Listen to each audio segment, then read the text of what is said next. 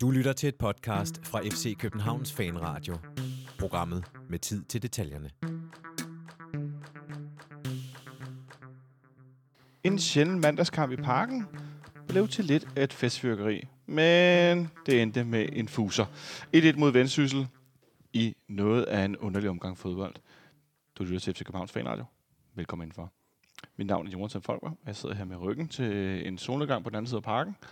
Har besøg af Benjamin Dane. Velkommen til dig, Benjamin. Mange tak. Og over for dig sidder 2019's første udefrakommende gæst i fanradioen, Sebastian Stanbury fra Tipsbladet. Velkommen til dig. Tak for det. Det er en ære. Se, det kan jeg godt lide. Nogen, nogen finder det en ære at komme herind. Øh, det var der også andre, der gjorde i fredags. Vi havde finale i fraktionskvisten. En øh, meget lang omgang øh, på over to timer mellem Donators venner og fraktion 31, opkaldt efter Benny Gall, for øvrigt. Øh, det endte med en meget tæt øh, 10 sejr til, til hvad hedder det, Donatas venner. I sidste runde, næst sidste runde vandt i øh, finalen. Det var øh, festligt. Det kan I høre på øh, Spotify eller SoundCloud, eller hvor I lytter. Og I kan selvfølgelig også høre øh, Nikolaj Ingemann og, og, og undertegnet snakke med Stolte Sobakken for, for, for cirka 14 dage siden. Øhm, og så inden vi går i gang med at tale om den her kamp i går, så skal jeg lige nævne, at vi søger en, øh, en tekniker til fanradioen yderligere. Det er sådan, at øh, Kasper, der sidder på bordet nu og øh, inhalerer Cola Zero, han er i glædelige omstændigheder om ikke så lang tid med sin, øh, sin bedre halvdel. Og det samme er, øh, er Jonathan. Så øh, der, der kommer nogle andre ting ind over end at lave øh, fodboldpodcast. Så vi, vi, vi søger en tekniker, som øh, kan være behjælpelig i forhold til at optage de her udsendelser og øh, lave nogle korte opdateringer på Facebook og på, og på Twitter.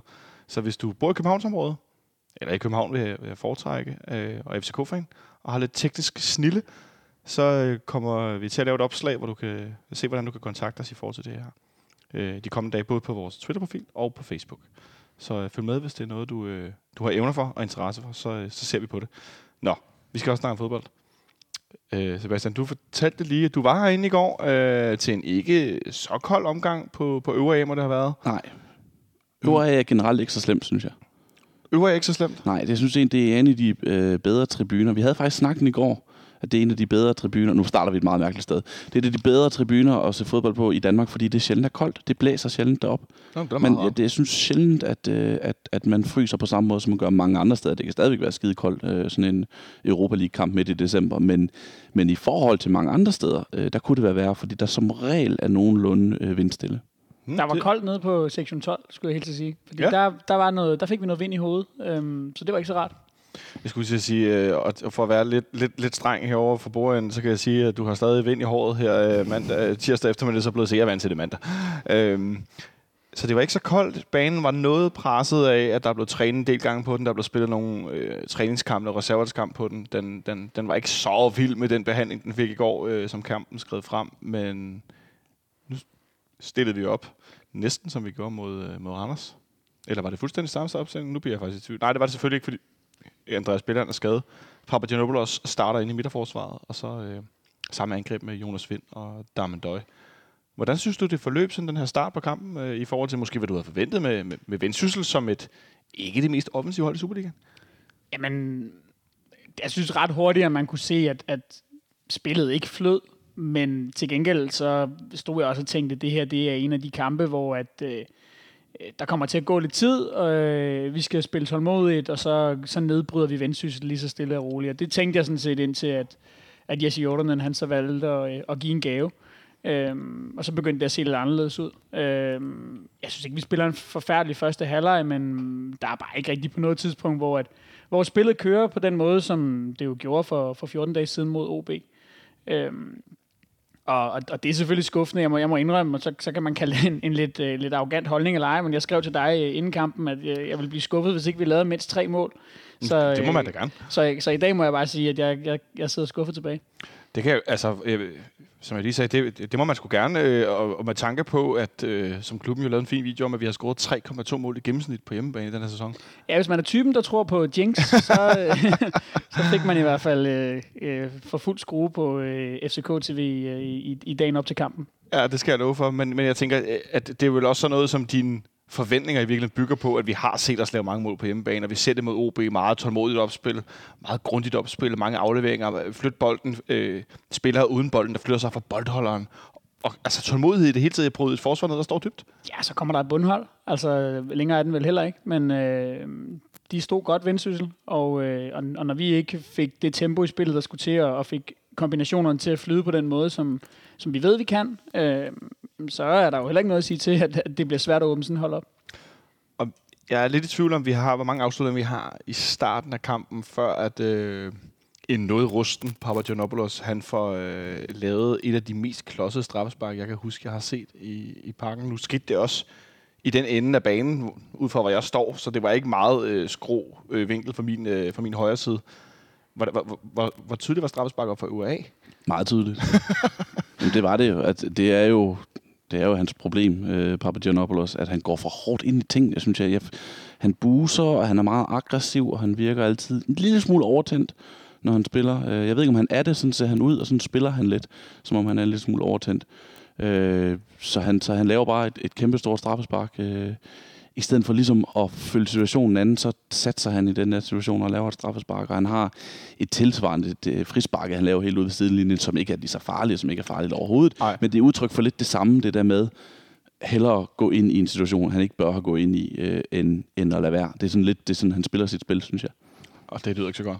Nej, altså han, han bærer jo tydeligt præg af en spiller, der, øh, der, der nu endelig får chancen, øh, og, og virkelig, virkelig gerne vil ind og vise, at, øh, at det er ham, der skal spille i det midterforsvar, og, og, og som, som Ståle også siger efter kampen, jamen han er simpelthen bare overtændt. Der er ikke nogen anden forklaring på det. Øhm, og vi har set det før, og, og, og spørgsmålet er, om det også lidt er en, en, et, et udtryk for, at han, for det første er han jo en meget aggressiv spillertype, ja. det tror jeg ikke, at, at der kan være nogen tvivl om. Men han, han får jo også kun sporadisk spilletid, og hvis han så har den her indstilling, at nu skal jeg ind og give 120 procent for at vise, at, at det er mig, altså det her med, at han ikke, er, hvis han var fast mand, og ligesom havde fundet sig til rette i bagkæden, og kunne spille med ro og sådan nogle ting, men, men den der kamprytme er han jo slet ikke inde i, og så, øh, ja, så, så er han ganske enkelt bare overtændt, og det er selvfølgelig lidt uheldigt. Og det er lidt sjovt, fordi han burde jo gøre det modsatte. Altså han burde jo, og det er nemt for os at sige, der ikke skal ind og, sætte ind og, ind og vise os frem ind i, i et midterforsvar i parken, men han burde jo netop gå ind og tage det fuldstændig med ro, så man så, så lidt som muligt kunne se, at Andreas Bjelland manglede. Ikke? Og tage det fuldstændig med ro, og så mange chancer, altså meget øh, bliver man heller ikke udsat for mod Vendsyssel, der ikke kommer til at have bolden særlig meget. Så tag det med ro, øh, se tingene an, Øh, de kommer ikke til at angribe med mange mand, Der, det er sjældent, man skal ud og lave de der helt store redningsaktioner.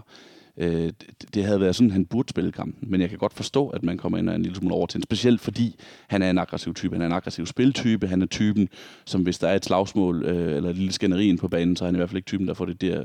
Altså får han ofte til at eskalere i stedet for den modsatte vej. Jeg skulle sige, han løber derhen for at deltage. Mm. Jeg tror heller ikke, man skal undervurdere, at at der simpelthen også bare mangler noget timing. Altså, vi taler om en spiller, som, som ikke har fået ret mange sammenhængende kampe i træk. Han har alligevel, tror jeg, efterhånden snedet sig op omkring i alt 20 kampe i den her sæson, så det er ikke, fordi han ikke har fået spilletid. Men, men vi skal helt tilbage i starten af sæsonen for at finde flere sammenhængende kampe for Papagiannopoulos. Øhm, og, øh, og det betyder jo helt enkelt, at jamen, den der timing, der måske skal være i, i de dueller, der, jamen, den er der heller ikke. Jeg tror så helt klart, at stadig at der er et element af at være overtændt, men, men, men jeg synes heller ikke, at hans timing er god. Det synes jeg også, man kan se, når han har bolden. Altså, han er jo faktisk en, en, en ganske udmærket boldspiller, synes jeg.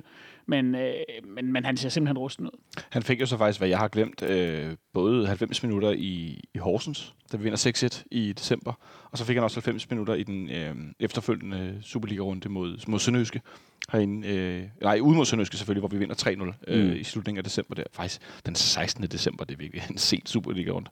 Så han har faktisk fået øh, spilleminutter, men ikke, som du siger, Benjamin, kontinuerligt. Det er godt nok ved at være, ved at være lang tid siden, så der, det er helt tydeligt, at han mangler noget, øh, altså sådan spilrytme, eller føling, eller hvad skal man kalde det? Ja, altså, øhm, man kan jo sidde og begynde at spekulere på, om, om Papagiannopoulos har niveauet, men, men jeg tror bare alligevel gerne, jeg vil se ham øh, spille nogle kampe i streg, og nu ved vi jo ikke, hvor galt det øh, er fat med, med Bjelland, men, øh, men det kan jo være, at, han får muligheden for det nu. Det, det er selvfølgelig måske bare ikke det, det helt rigtige tidspunkt på sæsonen, at, øh, at vi skal til at spille en, en midterforsvar i gang. Men jeg så en lille smule øh, til ham øh, for, for Østersund i sidste sæson, blandt andet de her kampe mod Arsenal, hvor, hvor han var rigtig god. Øhm, og det, det, det, var var noget andet niveau, end det han lagde for dagen i går. Det må man sige. Han får lavet det her øh, ekstremt klodsede straffespark efter øh, 15 minutters spil. Som så på... Øh, øh, der, der, der, der er sådan to øh, situationer i det her straffespark. Altså, allerede meget tidligt i kampen, der trækker Michael Tørnes øh, vendsysselsmål, men han trækker, bold, øh, trækker tiden i flere situationer. Så det var lige før, jeg fik sådan en, en oplevelse af, at øh, Sander Berge, som skulle sparke, hedder han ikke det? Sander Fischer. Sander Fischer, undskyld, Sander Berge, det er en helt anden en. Det er noget værd vrøvl. Mm. Øhm, Sander Fischer, er han nærmest, øh, det var lige før han trak tid, når han skulle sparke straffespark, så stod han og ventede længe, og så skulle han flytte bolden, og jeg tænkte, hold da op, det er de længe om det her. Han får så kanoneret bolden på undersiden af overlæggeren. Øh, hvilket vækker stadion, og det vækkede spillerne, og så tænker jeg sådan lidt, så nu trykker vi Vendsyssel ned og laver et par mål inden for de næste 10-15 minutter, og virkelig får givet den ind over lampen, ikke? Og for, for, altså for brugt den her, øh, den her, det her løft, der var i det. Det skete ikke overhovedet nærmest. Vi har nogle, vi har nogle chancer, nogle indlæg, nogle hjørnespark. Øh, er jeg for streng, hvis jeg siger, at Damandøj, han skylder efter den der første halvleg i går? Får han ikke større chancer i anden halvleg? Øh, Så efter kampen kan vi sige, der har han også i, anden halvleg, men han har også i første halvleg nogle hovedstød og situationer. Ja, men, men jeg synes, øhm, vi havde en del hjørnespark, som faktisk endte med, med, med FC København-afslutninger, men jeg synes faktisk, et generelt problem med, med Robert Skovs øh, hjørnespark i går var, at de simpelthen kom til at ligge for langt ude i feltet, og det vil Ja. sige, at, at de skulle hættes ind helt ude fra omkring 11 meter. Øh, og- der er for langt ind. Du kunne se jer selv, Nikolaj Bøjlesen, i totalt fri position. Du kom han godt nok ikke i løb, men skulle hoppe nogenlunde fra stedet. Han kunne ikke få kraft nok på til at, at passere Tørnes derinde. Så jeg synes ikke, jeg synes ikke chancerne blev særlig store i, øh, i første halvleg, hvis jeg skal være helt ærlig. Øhm, en, en del okay indlæg, øh, øh, de her hjørnespark, vi talte om, men, men meget lidt i, i, i åbent spil. Men, men man sad alligevel med en fornemmelse af, okay, vi, vi sidder på det. Øhm, selv efter vi kommer bagud, tænker jeg også, nej, men det her skal vi nok Øhm, det skal vi nok få kørt hjem på den ene eller den anden måde. Vendsyssel holder ikke til det her i, øh, i så lang tid, og så kommer der jo så oven i købet den her udvisning. Ja, den når vi hen til øh, om et øjeblik, men altså, Sebastian, var du overrasket over, at vi ikke havde mere, øh, hvad skal man sige, øh, mere kontrol med den her første halvleg, også selvom vi kommer bagud 1-0, øh, sådan nogenlunde øh, midtvejs i første halvleg, efter 31 minutter? Det, jeg synes, det FC København manglede, var jo et 1-0-mål.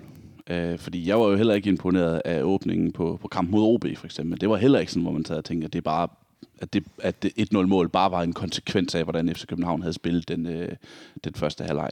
Men der kom 1-0-mål, det, brød, det gav FC København mere selvtillid, og det gav, øh, det gav modstanderne et, et knæk. Og det kom jo aldrig i går, og det var det, der var problemet, fordi øh, så kunne øh, Vendsyssel bare fortsætte med det, de gjorde, og de gjorde det godt. De har en rigtig dygtig træner, Jens Bert Laskov, som ja. Er typen, der i hvert fald nok skal sørge for, at hans hold har den rigtige indstilling til sådan en kamp.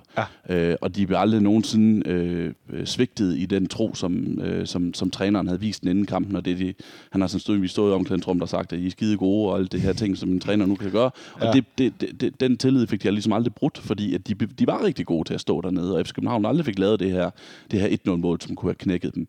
Øh, og så bliver det bare en vanskelig kamp. De, kom, de står rigtig langt nede. Øh, den der udvisning ændrer jo egentlig ikke så meget i forhold til, det ændrer meget, meget med, hvad Vendsyssel skal komme med offensivt, men det ændrer ikke på, hvad deres opgave bliver defensivt. Det bliver stadigvæk bare at stå dernede og, og vente. Så øh, øh, på, på den måde, så bliver det en, meget, en af de der kampe, hvor man siger, at det er måske ikke, altså, det er jo selvfølgelig aldrig en ulempe at spille mod 10 mand, men i går blev det bare ikke den helt store for, for, øh, fordel heller ikke. Det var sådan lidt Glenn Redersholm, øh, vi har ikke trænet at spille 11 mod 10, som vi er nå- nået hen i. Men øh, de får det her røde kort. Øh, Vinicius Junior, hedder han simpelthen det samme som vores ven i Real Madrid? Nej. Det, det synes jeg bare, jeg, jeg hørte i, Ja. ja. øh, i højdepunkterne. Ja, men det er rigtigt, men det, men det hedder han ikke. Nej, okay, jeg mener også, det ville være ret øh, imponerende, han, hvis han Han simpelthen... hedder en Christian Junior eller sådan et eller andet. Øh, Han hedder ikke Vinicius Junior. Ja, Francis. Francis Junior, Francis ja. Junior, ja. Ja. Det ville have været... øh, Frans, Francisco Junior hedder han endda. Ja.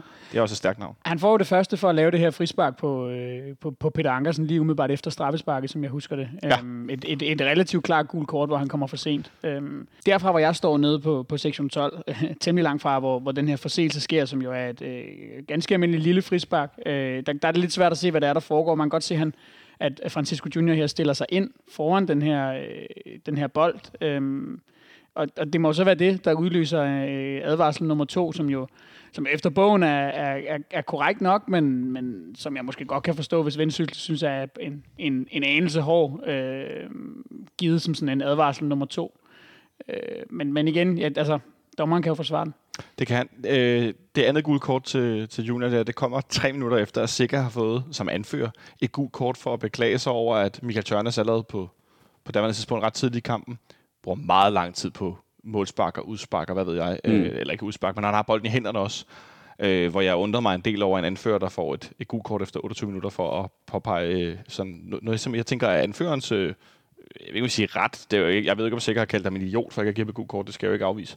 Øh, så jeg ved jo ikke noget om af god grund. Men jeg synes, det virkede meget voldsomt, at han fik gul kort så tidligt som anfører i sådan en situation. Og så kommer det her bagefter. Øh, ja, altså, jeg, jeg stod sådan lidt med sådan en, sådan en oplevelse af, at, at Michael Johansen... Øh, jeg ved ikke, om han var MC eller sådan, men det virkede... Det, det virkede som, om han ikke havde helt føling med, hvad der foregik, eller sådan. Øh, det kan man sige. Øh, det, det, kan man, øh, det kan man sige. Øh, jeg, jeg vil sige, at hvis man har et gult kort, så skal man bare holde sig væk fra alt, hvad der er kontroverser. Så man kan, man kan vende om at sige, at det er Michael Johansens skyld, øh, men man kan også vende den om fra, fra juniors side og sige, hvis man har et gult kort, så skal du aldrig nogensinde stå midt på banen og stå en meter fra et, øh, foran frispark og, og sige, at den skal faktisk tages derhen, som det også ser ud som om det han forsøger, skal, den skal rykkes halvanden meter tilbage. Ja, det var meget kort. Vil, ikke? Ja, lad være med det. Altså, så, så giver du dommeren mulighed, som de siger så, øh, som de siger så klogt, og det skal han bare lade være med. Nej, og der havde jo også lige været på situationer for inden. Øh, en af deres andre spillere, der ikke vil slippe en bold, da han skal hen og have et cool kort og sådan nogle ting. Altså, der var, der var flere af de her ting, ikke? Øhm, så, så, så, det kulminerede måske også lige på en eller anden måde. Men nu har vi jo skøjtet fuldstændig hen over, øh, hvad hedder det, Jesse Jordanens øh, Gud, det er da rigtigt. Åh, oh, Gud.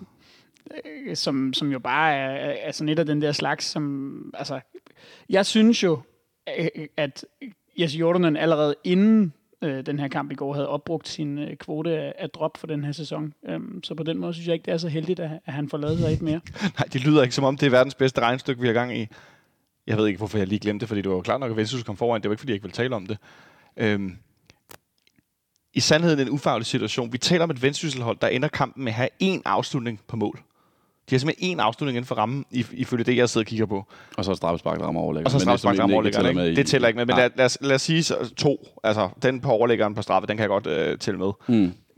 Vi er helt, helt nede i nærmest ingen skud på mål. Det, de scorer på, det er en jordtriller for hvad? 4 meter. Ja kæmpe, kæmpe bong. Den bonger kæmpe stort ud på expected goals til gengæld, fordi det er det nemmeste mål, han laver i sæsonen.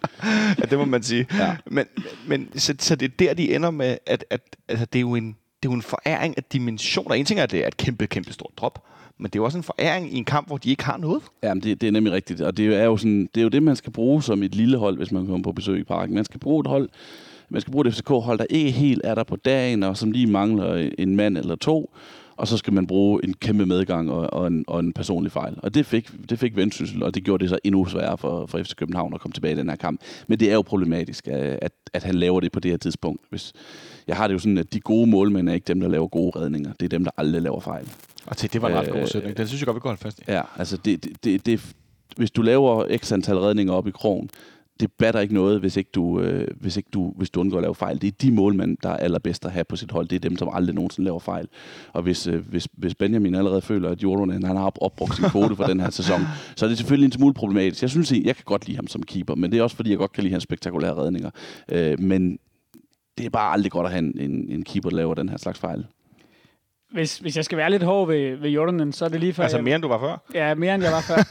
øhm, så er det lige før, jeg vil påstå, at, øh, at jeg synes, at han i perioder i sæsonen ikke har haft hverken det ene eller det andet. Mm. Altså det her med, at han, han, han har ikke kunnet være med at begå fejl, men jeg synes heller ikke, at han har haft øh, de, de, så mange af de her helt kampafgørende redninger.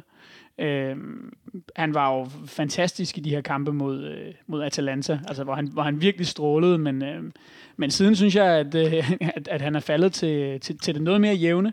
Øhm, og øh, ja, altså jeg, jeg, jeg fortsætter i hvert fald ikke 100% overbevist ved, øh, hvad skal man sige, det, det langtidsholdbare i ham som, som øh, første keeper i, i FC København. Det er så, så længe siden, vi spillede mod Atalanta. Altså fodbold-wise. Tænk, hvor mange, hvor mange kampe var det, vi spillede sidste øh, efterårssæson? Var det 36 eller 37, 38? Jeg kan ikke huske det øh, at Atalanta-kampen i min bevidsthed, altså det føles næsten som det var sidste sæson, så mm. har det lidt. Det, det er mange præstationer siden. Det er mange fejl siden. Det er i hvert fald sidste gang, jeg kan huske, at uh, Jesse Jordanen har stået en brandkamp. Det er sidste gang, han har stået en brandkamp. Han, han, altså, ja. Men det er, jeg tænker også, det er meget problematisk i en situation med det her duel, vi har ved FC Midtjylland i forhold til altså, de her meget små øh, øh, hvad hedder det, fejl, der kan være afgørende på lang sigt, øh, når vi nu skal selvfølgelig skal vinde over Vendsyssel på hjemmebane. Et Vendsysselhold, som nu ender med at have vundet over Brøndby og spillet udgjort med Brøndby, og så har de, har de spillet, så har de, nej, tabt til Brøndby, og så har de spillet udgjort og vundet over os øh, som oprykker. Det, øh, Jamen, det er ikke noget helt dumt, dumt hold. Altså, Ej, det, jeg, jeg, jeg, kan rigtig godt lide Jens Bertel som træner. Jeg synes, han, han sætter noget hold. Det, jeg synes, det er et hold, som ofte kommer med de der, som du, du lister dem op der, ikke? de kommer ofte med nogle resultater, som de ikke burde kunne få. Og det er ikke tilfældigt, tror jeg. Øh, men omvendt fra FC Københavns synspunkt, det, det, det er jo de her kampe, der kommer til at afgøre mesterskabet. Det er, hvor mange gange dummer man sig. Lige det samme som med, med, med gode, øh, gode keeper. Det, det handler ikke om, hvor, hvor mange gode kampe du spiller om. Det handler om, hvor få dårlige kampe du spiller. Og det her er ikke nogen katastrofe. Det kommer også til at ske for FC Midtjylland, at de kommer, at de kommer til at dumme sig. Det er et langt forår endnu. Men det er kampe som den her, og mængden af dem, der placerer det danske mesterskab endnu 2019. Jeg får sådan lidt Hobro-vibes. Det der med at være oprykker, og så gør det rigtig godt med nogle af de store hold. Ja, det, det, det ved jeg ikke helt, om man kan sige. Altså, de, de, har jo ikke, de har jo ikke hentet ret mange point i øget øh, vendsyssel, men, men, øh, og nu skal vi tale meget mere om, om anden halvleg øh, bagefter, men hvis man ser på kampen som helhed for vendsyssel, så må man bare sige, at de eksekverer jo en, en mere eller mindre perfekt defensiv præstation. Ja. Altså, de, de står godt på banen, de forstår at, at, at trække tiden, øh, når bolden er ude at spille, de øh, får lavet i anden halvleg øh, alligevel, på trods af, at de spiller nærmest uden angriber, så, så formår de at få nogle af de her aflastningsangreb, som gør, at, at det ikke bare bliver et langt tryk i 45 minutter ned mod deres mål. Øhm, altså, så, så de, de gør det bare godt, de står godt på banen, og de spiller hårdt, og de gør alt det, der skal til for at, at, at få point med. Og så spiller vi dem jo så oven i købet også gode, fordi at vi, øh, vi ender med at stå og, og, og bare save bolde ind i hovedet på et, et forsvar, der står lavt og kan hætte dem væk. Ja, fordi det, der sker i slutningen af første halvleg, er, at Nikolaj Bøjlesen han får en fiberskade. Mm. Øh, det forlyder, at han er ude resten af, af grundspillet, har FCK meldt ud i dag. Øh, så han er vel ude i noget, der ligner tre uger. Så vores normale venstre øh, forsvarsside, Andreas Bjelland og Nikolaj Bøjlesen, de er hermed skadet. Øh, I hvert fald, gætter, jeg gætter på, at Bjelland skade er nogenlunde det samme. Det ved vi ikke, men det bliver af mit helt eget, meget gratis gæt. Det, det tager jeg lige med. Jeg tænker, det er sådan cirka nogenlunde det samme. Øh, så, så vi har nu et, vi kan, vi kan nu vide, at vi har i de, i de næste tre kampe i hvert fald, har vi øh, et nyt, øh, en ny venstre side i forsvaret. Han går så ud i pausen. Ind kommer Pierre Bengtsson. Og det sjove var, at jeg har oplevet både under og øh, efter kampen flere, der havde fortalt, at de enten havde... Øh, jeg stod selv og sagde, gud ja, hvem kommer? Ja, det gør Pierre jo, ham har vi jo. Og flere, der simpelthen sagde, nå ja, vi har Pierre Bengtsson ude på bænken. Der glemte øh, svensker Med verdens længste kontrakt. med verdens længste kontrakt. Der er tre et halvt år tilbage. Nu er det lige før Benjamin glider ned på gulvet i, i sov og, og jammer. Jeg har ikke Øh, glemt Per Bengtsson. Nej, det, det, det, det ved jeg. Øh, men det var mere det med længden på kontrakten. Øhm, han bliver så skiftet ud selvfølgelig. Det er den ene del af den her Nikolaj venstre side. Og så går Nikolaj Thomsen også ud øh, i pausen. Og så kommer øh, Peters øh, Sotelio ind. Var det en terrorudskiftning, Benjamin? Øh, Altså, vi har jo ikke hørt, om han var skadet. Ja, det kan, det kan man vel godt kalde den. Altså, nej, jeg tror ikke, det, jeg tror ikke, vi vil kalde det en terrorudskiftning. Jeg tror bare, at øh, når der er ting, der skal laves om i løbet af en kamp, så er det simpelthen bare Nikolaj Thomsen, der sidder på det yderste mandat i startopstillingen, som det ser ud nu. Det synes jeg, vi har set mange gange før. Han er stort set altid den spiller, der bliver skiftet først ud. Hvis ikke det er i pausen, når der skal laves noget om, jamen, så ryger han som regel ud omkring en time. I de første to kampe har vi jo set, at det så har været William Kvist, der kom ind og skubbede Rasmus Falk ud på kanten. Ja. Øh, der bliver ikke mange gange øh, 90 minutter til, til Nikolaj Thomsen. Det er der slet ikke nogen tvivl om. Øh, men jeg stod faktisk øh, på tribunen og troede, at, øh, at det var Jonas Vind, der gik ud for Ja. Peters, da jeg ligesom... I starten synes jeg ikke, han, han havde stadig sine øh, træningsbukser på. og Sådan Ja, noget. ja, er jeg præcis. faktisk ikke sikker på, at han skulle ind. Jeg troede kun, det var... Øh, det var Bengtsson, men da han så lige pludselig øh, hvad hedder det, øh, kom tilbage fra bænken i, i hvide shorts, så kunne man godt se, at, at der skulle laves en dobbeltudskiftning. Øhm, men han vælger jo øh, Ståle øh, allerede fra anden halvleg start at gå over til noget, der, der minder om at spille med tre angriber. Han har så forklaret bagefter, at, at det var meningen, at Jonas Vind skulle spille hængende, øhm, hvilket så betyder, at, at vi ret beset spiller uden en, en reel venstre kant. Øh, og, og, og hvis du spørger mig, så, så var det en stor taktisk fejl. Ja, det var egentlig lidt... Øh, tak, fordi du griber ind i øh, manus her, som jeg i dagens anledning har skrevet lidt ned her på min øh, computerskærm. Fordi, Sebastian, jeg synes ret, som Benjamin siger, at, at det var ret tidligt i anden halvleg, ret tydeligt, at det der med at spille med sådan en, lad os kalde det en to, to, øh, så to øh, wings og nogle, altså det var sådan en underlig skæv opstilling, hvor vores højre side var ret defineret af mm. Peter Ankersen, og så var Per Bengtsson sådan, Pierre er alene i verden derude til venstre, øh, uden rigtig hjælp eller noget, så indimellem var sikker lidt derovre og faldt lidt derovre, men ikke rigtig sådan. Det, det, det virkede meget uafstemt, meget tidligt i anden halvleg. Ja, Jonas Vind lå også nogle gange derude i den der venstre side. Øh, jeg synes, det, det problem var, at jeg vidste ikke rigtigt, hvad Jonas Vinds rolle var. Det, nogle gange var han også sådan helt nede på midterlinjen og starte angreb og sådan noget. Så det var sådan, han kom til at flagre lidt for meget, synes jeg. Og så kunne øh, en rendyrket venstre kant kunne have hjulpet øh, os med at, at, at spille Vendsyssel høj, højre forsvarsside tynd. Fordi det var jo problemet. Det var, at øh, for mange gange, når Pierre Benson fik bolden ud i venstre siden, så havde han stadigvæk en, en spiller, han selv skulle gå forbi, for der var ikke nogen, der, der ligesom kunne tilbyde sig i kombinationerne. Der var ikke nogen til at spille ham bagom. Og, og, og, og det kan, dermed, hvis han skal have lægget et indlæg, som det er jo det, han vil, så skal han selv gå udenom. Alle ved, hvilken vej han går. Øh, han går mod baglinjen. Øh, alle ved også godt, med hvilken fart det sker. Det sker ikke særlig hurtigt. Så den der, det, dukker, den lægger, det, det dækker de bare af for. Øh, og så bliver det vanskeligt for ham at ligesom slå de der farlige indlæg, øh, som, som nok var form, et af formålene med, at han, at han skulle en af hans roller i anden halvleg, ikke? Det er sjovt, du siger, at, at, at han skal gå forbi dem. Det synes jeg er meget passende. Nu vinder jeg lige min skærm om, at jeg har fundet Pierre Bengtsons øh, afleveringsstatistik øh, på Superliga.dk, som jeg også fandt frem i går aftes, som min panderynker nærmest voksede helt om i nakken på mig. Fordi at, øh, alle de røde streger her på skærmen siger, jeg peger til de to herrer rundt om bordet her. Det er alle dem, der er rene fejlafleveringer. Og så er det de gule, som bliver til nøgleafleveringer, kalder de det, som der kommer noget ud af det. Det kan godt være, at det er en, aflevering, eller en afslutning, der ryger til indkast, men der kommer noget ud af det. Mm. Øhm, der er ikke mange grønne imellem. Nej, det vi, det vi sidder og kigger nu her på, det er, et, øh, det er et, øh, en, en statistik, hvor for først kan se, at venstre bakken, han har fem, øh, syv afleveringer i en hel, halvleg på egen banehalvdel. Det siger også noget om, hvad, om, hvad hans rolle var. Det var at ligge fremme på, på, på Vendsyssels banehalvdel og, og sørge for at kreere de der ting. Og de afleveringer, der er grønne, det er dem, han spiller bagud i banen til, til en midtbanespiller. Og de afleveringer, der er røde, det er hans indlæg, som ikke finder noget mål. Der er også en del hjørnespark hernede fra øh, det hjørne mellem C og B-tribunen, øh, som bliver sparket. Ja, langt, dårligt, skævt, kort. Jamen, jeg, jeg, jeg synes, altså, der er flere ting i det. Jeg synes, at øh, altså, vi bliver nødt til bare at erkende, at øh, der ikke er specielt meget øh, kvalitet i det, Pierre Bengtsson foretager sig, når han, øh, når han kommer ind på den her venstre bak. Det synes jeg, at, at vi har set gentagende gange i den her sæson, og, og, og det er bekymrende.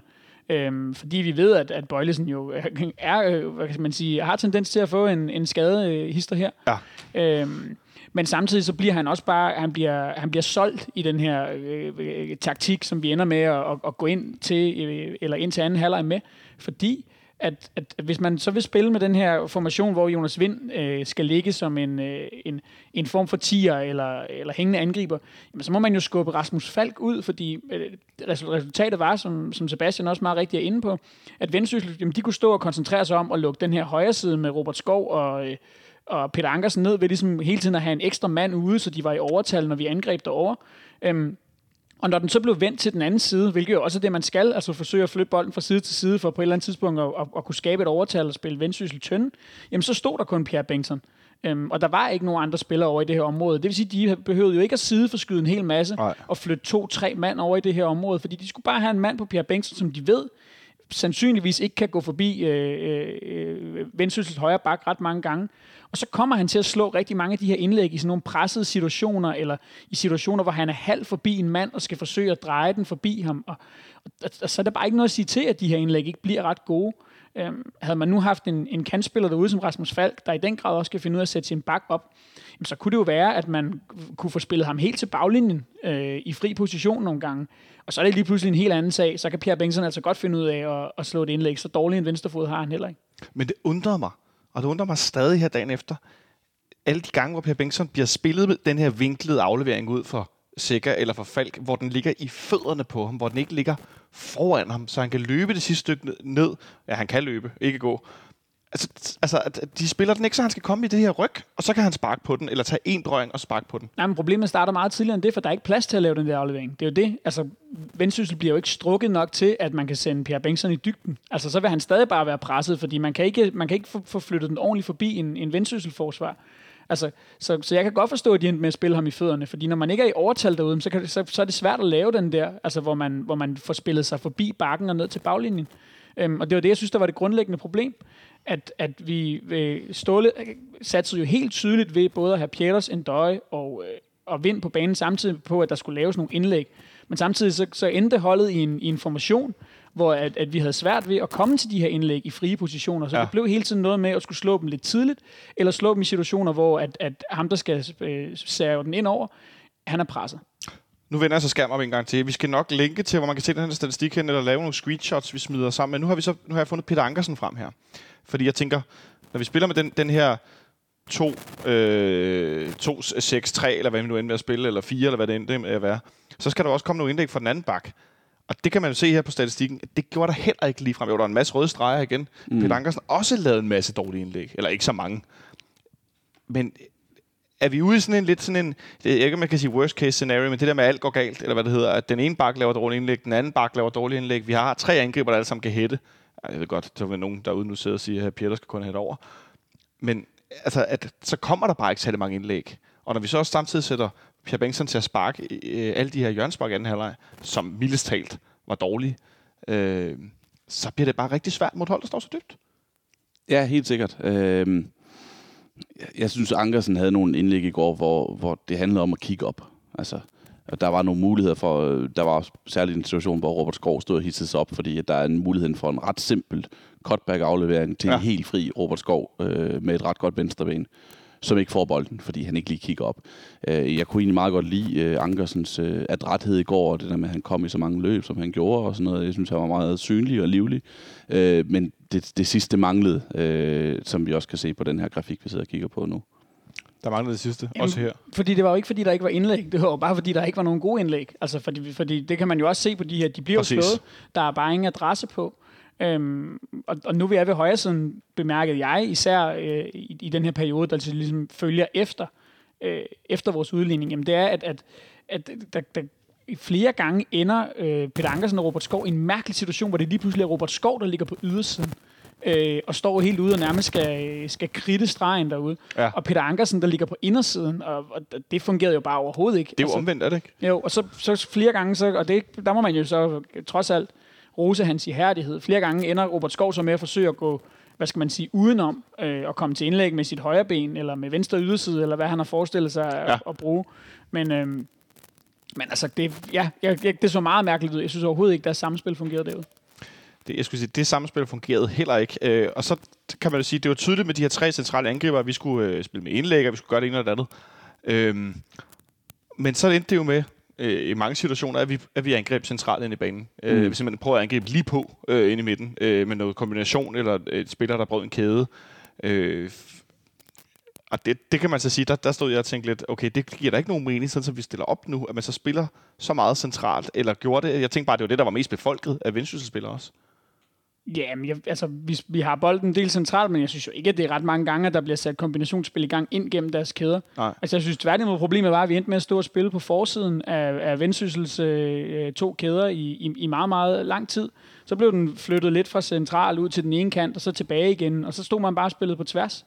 Øhm, og, og det her mål, vi så rent faktisk scorer, jamen det kommer jo så faktisk også af et gennembrud centralt. Det kommer af, at der er en spiller, der bliver retvendt derinde, så må man så bare sige, at, at for anden kamp i træk, jamen, så er det et, et helt fantastisk solomål af Rasmus Falk. Så jeg skulle sige, det kommer af, at Rasmus Falk har en evne til at drible lige igennem folk efterhånden, øh, og score på det.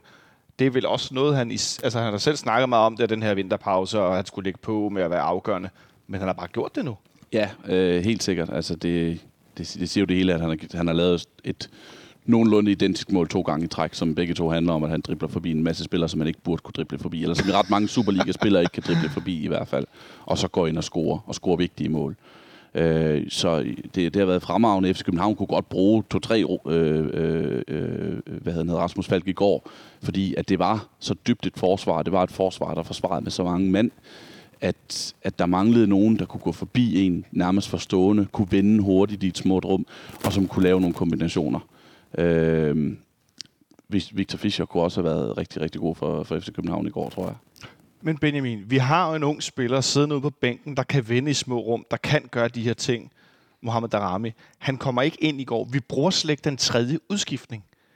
Nu har jeg efterhånden øh, relativt gråt hår, og jeg har lidt af det lige nu, fordi jeg trænger til at blive klippet. Jeg var ved at rive det ud af hovedet på mig selv over, at den udskiftning ikke blev foretaget.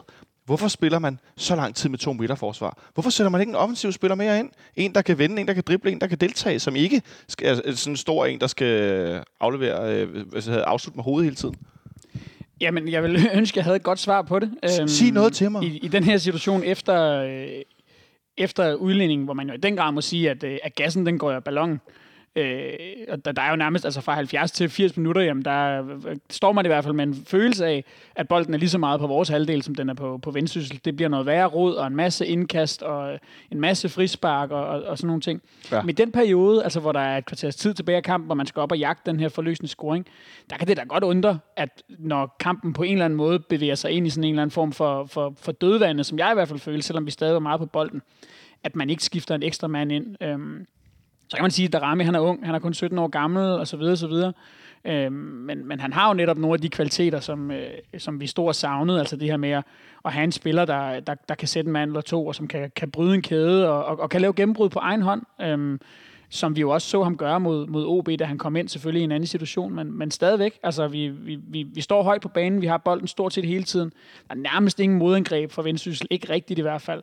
Øh, masser af muligheder for at blive retvendt, masser af tid på bolden.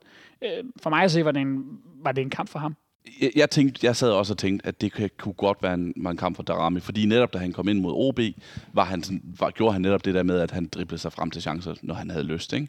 det, det, der så taler imod, det er, at han stadigvæk på seniorniveau mangler at gøre det lidt færdigt. Øh, det gjorde han, det manglede lidt mod OB, der rent faktisk kom et mål ud af det. Øh, jeg kunne se, jeg hørte fra en kammerat, der så vent, øh, reserveholdskampen i dag mod FC Nordsjælland, at han havde været fremragende og skabt tre store chancer, men skulle score og ikke gjorde det. Så det var så det, der taler for. Det kunne også godt være kommet ind i en situation, hvor, hvor han så var kommet frem til en af få store chancer, og så ikke helt havde haft erfaringen, køligheden, kald det hvad du vil, til så at gøre det færdigt.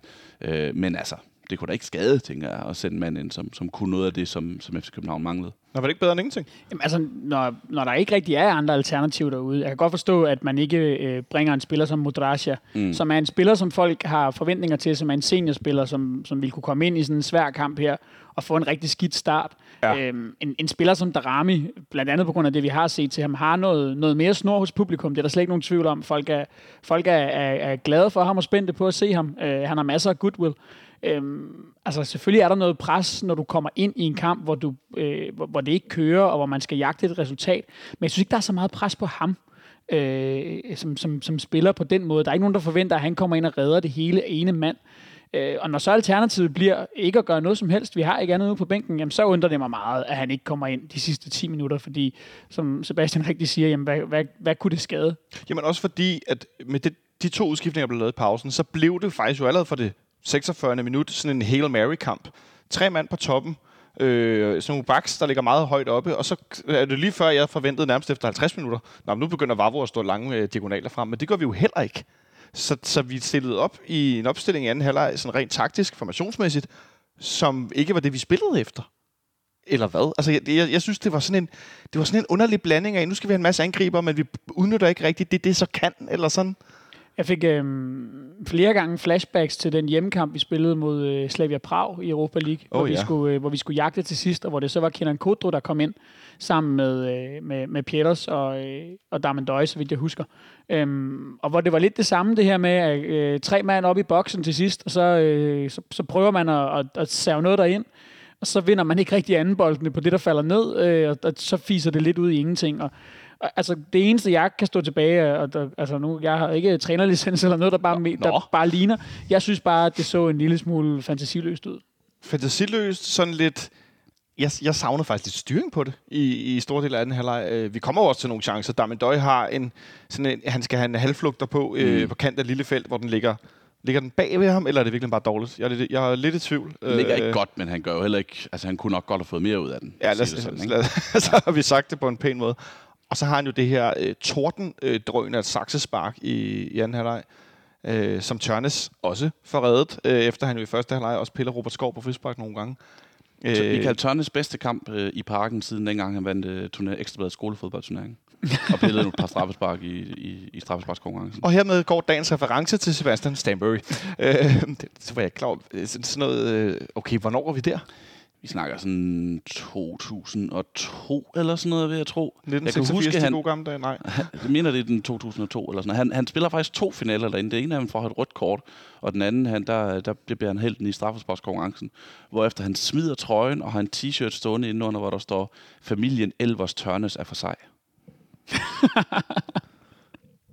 Det er, det er godt husket. Bevares. Øh, det, der, øh, hvordan kan du huske? Har du lige kigget på nogle billeder af den t-shirt? Nej, eller? jeg har let efter billederne af de t-shirt der, men jeg har ikke kunne finde det. Nej, okay, det er meget imponerende. Fik han rødt kort for at trække tiden? Det tror jeg ikke. Øh, Det vil sige, efter i går, så ville det ikke have overrasket mig øh, øh, særlig meget. Der er en meget, meget komisk situation på et eller andet tidspunkt i anden halvleg. Jeg, jeg, jeg, der var så mange af dem, så jeg kan ikke huske det, men der er simpelthen øh, jo på et tidspunkt, hvor at Michael Tørne skal tage et, øh, et målspark og formår at lappe to separate huller Det- i feltet det i er hver rigtigt. sin side. Øh, og så efterfølgende øh, tage det her målspark uden at få et gult kort. Det synes jeg var meget mærkeligt. Fik han egentlig fik han nogen advarsel? Nej, det gør han Øh, ikke. Nej, det gjorde han ikke. det, fordi det er mærkeligt, at der var en mand, der trak tiden allerede i første halvleg. Og der var, der var en situation, hvor Michael Johansen, det er tidligt i, i, i anden halvleg, hvor han står meget hissigt. Og vinker. Ja, og vinker. Nu skal du sparke, nu skal du sparke, nu skal du sparke. Og så går der yderligere 10 sekunder, inden han sparker, hvor han så ikke gør det. Øh, der synes jeg jo, at man mm, så stang et tidligt gult kort ud, ikke? så det stopper. Altså, men også, så ligger han så fem minutter til, eller hvad hedder det, minimum fem minutter, så mm. vi ryger på 95. Men der stod jeg også lidt og tænkte, men det er jo ikke nok. Altså, de har jo trukket tiden. Jeg ved ikke, hvor meget. Altså, jeg ved godt, han løber og peger af dommer Michael Johansen og siger, at jeg stopper uret og har sådan en, en faktisk tid kørende kontra et, øh, sådan et stoppet og startet ur ved siden af. Ikke? Men jeg tænker bare sådan lidt, altså, de trak jo tiden. Øh, Ikke øh, Horsens-wise øh, i, i sådan med bolden, men, men uden bolden, det var øh, altså, det er jo sådan set også med bolden. De trak jo tiden virkelig meget. Ja, det gjorde de. Så kan man så sige med de her fem minutter, at øh, man, man, man sad lidt de sidste 10 minutter, hvis vi regner øh, øh, den forlængede spilletid, nej, det, hvad hedder det, ekstra tiden med. Ja. Øhm, og der så tænker jeg, men det er næsten ligegyldigt, hvor længe vi, vi spillede, så, øh, så, så ville vi ikke have scoret det mål. Præcis. Øhm, og, og så ender vi jo så alligevel i den allerdybeste overtid med at, at, at få produceret den chance, der, der skulle til. Øhm, og den chance, hvor at øh, Piero Sotilio, han kunne have mere eller mindre øh, genstartet sin FCK-karriere, tror jeg, for det havde været det skud selvtillid, som, som han har gået og let efter så længe. Havde han scoret på det, hvis han havde fået straffesparket mod OB? Det tror jeg ikke, fordi... øh, det, tror, det, det kan jeg godt sige helt, øh, helt stille og roligt. Det tror jeg simpelthen ikke, fordi at, øh, om han havde scoret på straffespark med OB med hælen på sakse fra midten, så har han ikke scoret i går med venstrebenet. Altså en ting er, at han har en øh, til tider rigtig god afslutningsfod med højre, og så andre gange er den helt øh, gummistøvlagtig. Men når han får den der med venstre i går, og bolden bevæger sig et eller andet, jeg tænkte også, det, altså, den der, den, den rammer han ikke. Den, den sparker han ikke ind. Det er jo sat meget på spidsen, men, men, men der er jo noget, der er jo noget rigtigt i det, i den forstand, at øh, Pieters som fodboldspiller har sine mangler. Det er der, tror jeg, øh, alle, der følger FC København, øh, er, ikke er i tvivl om længere. Men lige nu, der er det altså et spørgsmål om selvtillid. Det er et spørgsmål om mand, der er ramt mentalt. Jeg synes, man kan se, at han har absolut ingen tro på sig selv i det, han foretager sig. Og, og altså, Pieters fra, fra sidste sæson, som også brændte sine chancer, men, men som kom frem til en masse, og også fik scoret øh, et, et, et mere end hederligt antal mål, især i så dårlig en sæson, jamen, øh, han kunne sagtens have puttet den der ind. Jeg, jeg, jeg, altså, selvfølgelig er det med venstre, og så nem er den afslutning heller ikke. Der er et par spillere mellem ham og målet og sådan nogle ting. Men angriber med selvtillid sparker den der ind. Enig. Og det, for the record, så synes jeg, at øh, Robert Skov skulle sparke det straffespark. Det er bare, en, det er bare, en, det er bare, en, det er bare et interessant fænomen Det er at, det da. at, at, se på en angriber, der mangler selvtillid. Ikke? Fordi det er, det er noget mærkeligt noget at tænke, nogle gange kan man udføre en præstation, nogle gange kan man ikke, og det handler udelukkende om, hvordan man har det op i hovedet. Det, det, det, det er et spøjsfænomen, det her, det her, den her fodboldsport. Det er sjovt, at i den ene ende af banen, så snakker man om målmændene, de er nogle spøjse størrelser, ikke? de er skøre, og de står dernede alene. Og ofte så er målmænd jo reserver en hel, du, altså Anders Lindegård som eksempel, de er reserver nærmest en hel karriere. Og så er der angriberne i den anden ende, med det her selvtillid med at score mål og ikke score mål. De er sat også nogle underlige størrelser, ikke? Og så er der alt det der bløde mellemvare i forsvaret på midtbanen, ikke? Men der er det der hver sin ende af banen, det er så afgørende, så det er sgu nogle lidt specielle typer med noget, altså det er noget tunnelsyn ofte, ikke? I forhold til også at skulle sparke det her, bare, bare sparke på mål nogle gange, hvor man tænker, spil nu bolden, men som du siger, Sebastian, nej, nej, det handler om selvtillid, det handler om at få scoret igen og igen og igen. Men det gør vi så ikke. Så vi ender kunne hjælpe med, med at spille 1-1 mandag aften i februar mod, undskyld mig, fucking Vendsyssel, Benjamin. Var det mesterskabet, vi tabte i går? Nej, det var det ikke. Øhm, men det kan det blive, hvis det gentager sig. Øh, Sebastian har sagt det meget rigtigt øh, tidligere i udsendelsen allerede. Jamen, øh, det er dem, der ikke har råd til at smide. Øh, især ikke, når vi kan se, at øh, FC Midtjylland de kan øh, hente tre point. 9 mand mod øh, 11. 10 ender det så med øh, i Aarhus. Øh, det, jeg kan frygte, for jeg synes ikke, øh, altså og det vil jeg godt lige understrege med det samme, det her var en enkelstående øh, off-day øh, for mere eller mindre hele holdet. Der var ikke rigtig nogen, der for alvor spillede godt. Det er jo ikke noget, man behøver at blive øh, bekymret for øh, i forhold til sådan, det, hvad skal man sige, de brede præstationer, men, men det må bare ikke gentage sig for mange gange. Og spørgsmålet er, er Midtjylland et hold, der, der, der smider de her? Det kan godt være, men, men, øh, men, men jeg synes, at de ligner hvad skal man sige, et mandskab, der er, der er bedre til at få hævet ingen hjem i de her kampe, altså når de spiller dårligt, end vi er.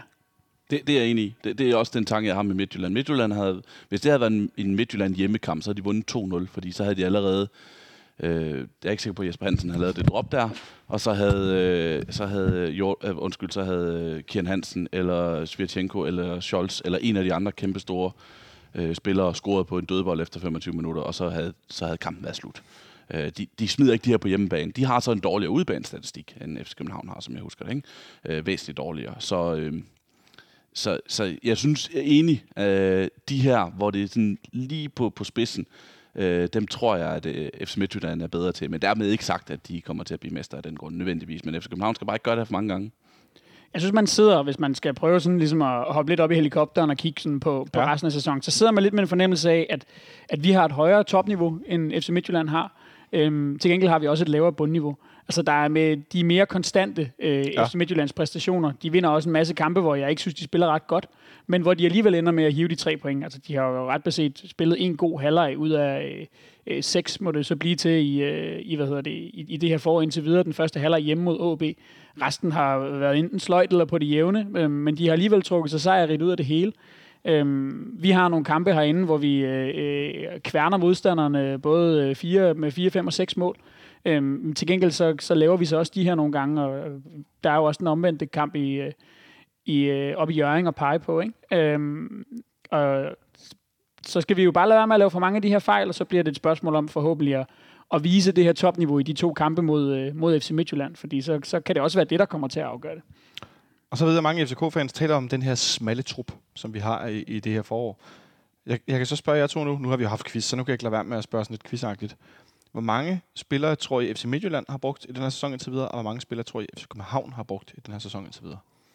det kommer så af, at øh, Nikolaj Ingemann her eftermiddag sendte mig den her lille quiz.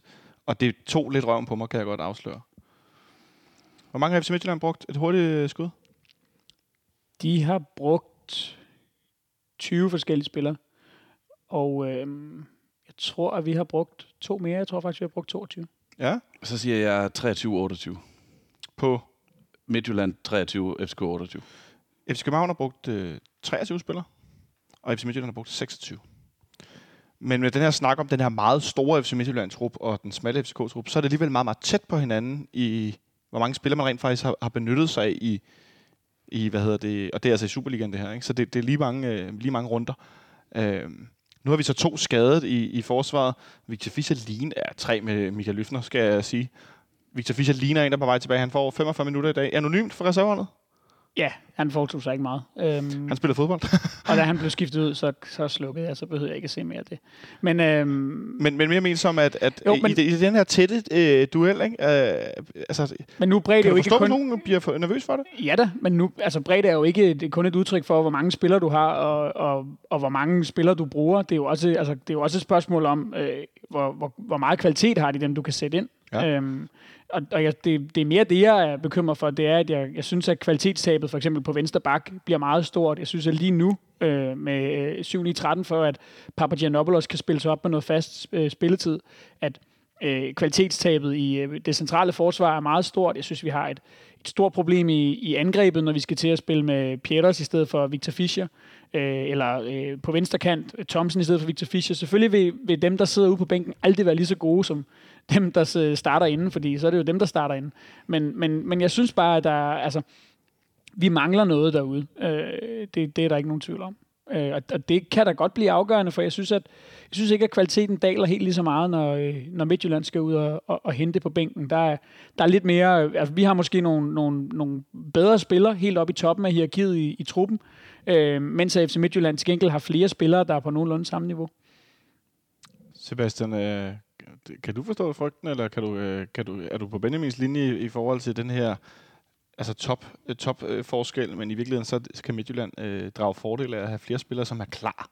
Ja, men det bliver også sådan lidt et øjebliksbillede, når man snakker om bredde på et fodboldhold. Fordi lige nu har FC København øh, to skadede midterfor, Løftner og Bjelland, og så bliver Bøjlesen også skadet.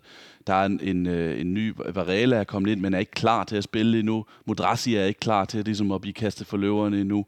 Uh. Øh, der er, og det så en formnedgang og sådan noget. I sidste sæson var, kunne han jo godt score mål i den her situation, og ville være en, en fin mand at have på bænken, hvis du så havde øh, de her spillere op. Så det, bredde bliver også et spørgsmål om øjebliksbilleder. Ikke? Og selvfølgelig bliver bredden svækket af, at, øh, at, at Bjelland er ude, og at, øh, at Bøjlesen bliver skadet, og Løfner har en lang, langtidsskade og sådan noget. Fischer kommer på vej tilbage. Og, og Fischer er på vej tilbage ja. og sådan noget der. Ikke? Selvfølgelig bliver bredden svækket det. Det er derfor, man har en bredde i første omgang. Så altså, når, når det er reserverne, der spiller, så er reserverne endnu dårligere. Ikke? Altså, altså endnu svagere, kan man sige. Ikke? Øhm, så jeg tror bare ikke, der er så meget at gøre ved det, nødvendigvis. Det er der i hvert fald ikke nu. Øh, nu transfervinduet er slut.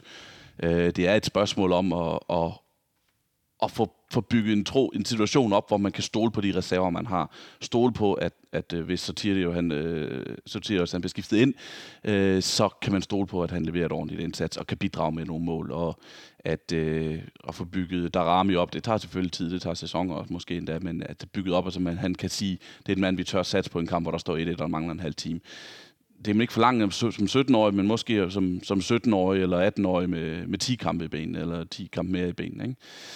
Det, det, det bredt er en vanskelig situation at forholde sig til, synes jeg. Det må være komme min konklusion. Har Ståle Sobakken gjort for lidt for at holde de her øh, reserver i, i kampform? Nej, det synes jeg egentlig ikke. Altså, det, det, det er en vanskelig situation, altså, fordi ellers så bliver man kaldt, øh, så er man Claudio Ranieri og bliver kaldt The Tinkerman, fordi man hele tiden skifter ud på en startopstilling, som, som ellers øh, synes at fungere.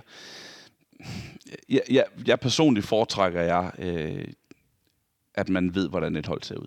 At man ved, hvordan en startopstilling ser ud, fordi de, de, øh, de bedste spiller hver gang, og, og de er så gode, at man ved, det er dem, man skal have. Øh, så må det andet ligesom være noget, man arbejder på derfra. Og men nu, nu sad vi før og talte om Papagianopoulos manglende kampform, men, men et meget godt billede på, at, at reserverne jo trods alt også er blevet holdt til. Det er, som jeg nævnte før, han har spillet over 20 kampe i sæsonen, altså som tredjevalg i, i, i forsvaret. Selvfølgelig er der ikke så mange hele kampe, og der er også nogen, hvor han måske i, i Europa er blevet skiftet ind til sidst, eller, eller sådan nogle ting. Altså, øh, så hvis du regner sammen, så er det selvfølgelig ikke så meget, men han har været på banen i over 20 kampe i løbet af sæsonen. Det må man sige, det, det er pænt nok for en reserve. For en reserveforsvar, som ikke kan forvente at blive skiftet ind særlig meget. Det må man, øh, men, det må man sige, men jeg blev bare sådan lidt i tvivl også, da jeg så det i går, hvor jeg tænkte, okay, er, har de været for langt for holdet? Mangler de at få en halvleg en gang imellem? Øh, fordi vi, jeg kan forstå det, i, når vi har Europakampen, når vi har pokalturnering, så ved man godt, okay, de får 90 minutter benhårdt ind imellem, øh, og man simpelthen skifter de her positioner for, for det første at restituere spillerne bedre, øh, spare dem, og så også for at give øh, spilletid til reserverne. Men mangler det lidt det, det nu i Ståles øh, system eller hans måde at gøre det på? Nej, det synes jeg ikke. Øhm, de har jo også alle sammen fået spilletid i opstarten. Øh, sandsynligvis øh, næsten lige så meget som dem, der har skulle starte inden, fordi der, der roterer man rigtig meget. Jeg har ikke spillet så mange kampe i sæsonen endnu. Øhm, og så er det bare en del af det at være reserve, at øh, du skal være klar, når, når der bliver brug for dig. Øh, det er også en kvalitet at have. Øh, det kan man så stille spørgsmålstegn ved, om, om dem vi har derude, øh, de ja. har lige nu, i hvert fald kvalitet til at gøre en forskel positivt. Øh, nej, det, det, det synes jeg ikke. Altså, hvad, hvad skal Ståle gøre? Han er jo også nødt til at spille en stamme ind på holdet, og det er jo det, der har fungeret. Det er jo, det er jo den startelver, de, de 11 bedste, vi har haft, det er jo det, der har fungeret bedst. Hvorfor skal man så begynde at spille med andre, hvis de er klar? Ja, det er et godt spørgsmål. Jeg glæder mig i hvert fald til at se, om der kommer til at være noget, noget rokade øh, i forhold til, når Victor Fischer nærmer sig noget, noget spilletid her. Jeg tror, han går ind på holdet. Tror du, han går direkte ind på jeg, jeg, jeg, mener, det var lidt en joke. Jeg tror, Victor Fischer er en spiller, man skal regne med, kommer til at gå ind på i startopstillingen. Oh, ja, bevares, men, men, men, jeg tænker stadigvæk, at uh, der skal lige lidt mere. Jeg tror, han skal spille lidt mere end 45 minutter for mm. reserverne, mm. før han... Uh... Men jeg tror, han er i truppen øh, til på søndag. Tror du det? Ja, det ja. tror jeg. Det han tror jeg også. kommer ikke til at spille fra start, men han er i truppen. Og hvad med vores nye ven? Øh, han, han ynder selv, jeg, jeg er altså begyndt at kalde ham Moody, altså som hende der Merkel nede i Tyskland allerede. Det, ja, det, det er Modrasja han, er, altså jeg tænker i forhold til at kunne få Rasmus Falk ud på kanten og lave nogle, nogle, nogle rotationer i forhold til, hvem der spiller hvorhen. Nej, han kommer ikke til at starte inden. Nej, det, det, var slet ikke der, jeg var. Det var mere i forhold til også at få spilletid, så der er nogle, øh, Jamen, han var der, altså, nogle hvis, muligheder. Ja, altså hvis kampen havde forløbet anderledes i går, så var han der kommet ind. Det er der, der er slet ikke nogen tvivl om. Hvis vi havde været oppe med 2-0 for eksempel, så havde han der fået en halv time. Det er jeg slet ikke i tvivl om. Øh, hvorfor ellers have ham med på bænken? Det giver jo ikke nogen mening. Øh, altså det, Jeg tror, Fischer, ham, ham kommer vi til at se i, i, i kamptruppen, øh, og, øh, og måske alene af den grund, at vi jo nærmest ikke kan fylde en bænk ud uden ham med de skader, vi nu har fået, ekstra vi har fået. Altså, så skal vi i hvert fald til at have Dakim med igen. Dakim, som ikke spillede øh, reserveskampen i dag, hvis jeg ikke så meget Han fejl. blev skiftet ind. Han blev skiftet ind. Okay, han startede i hvert fald igen. Jeg tror, han kom ind i den pause der, hvor, øh, hvor Benjamin slukkede. Ja. Ja. Det ikke passe? Det var den der hemmelige udskiftning, når man, øh, når man slukker. Det kender jeg godt. Den er værd rod. Øhm, så vi bliver efterladt med den her, øh, den her øh, hvad hedder det, 1-1-kamp øh, efter en weekend, hvor Midtjylland som sagt får øh, endnu værre øh, undertalsagtigt end øh, Vendsyssel for at klare for at vundet 2-1 i, Hår- i AGF. Det var en, øh, det var en mærkværdig anden halvleg i Aarhus. Så står vi tilbage med endnu et godt Rasmus Falk-mål og kun et points forspring. Er det lidt for hurtigt, lidt for tæt for til din smag, Benjamin?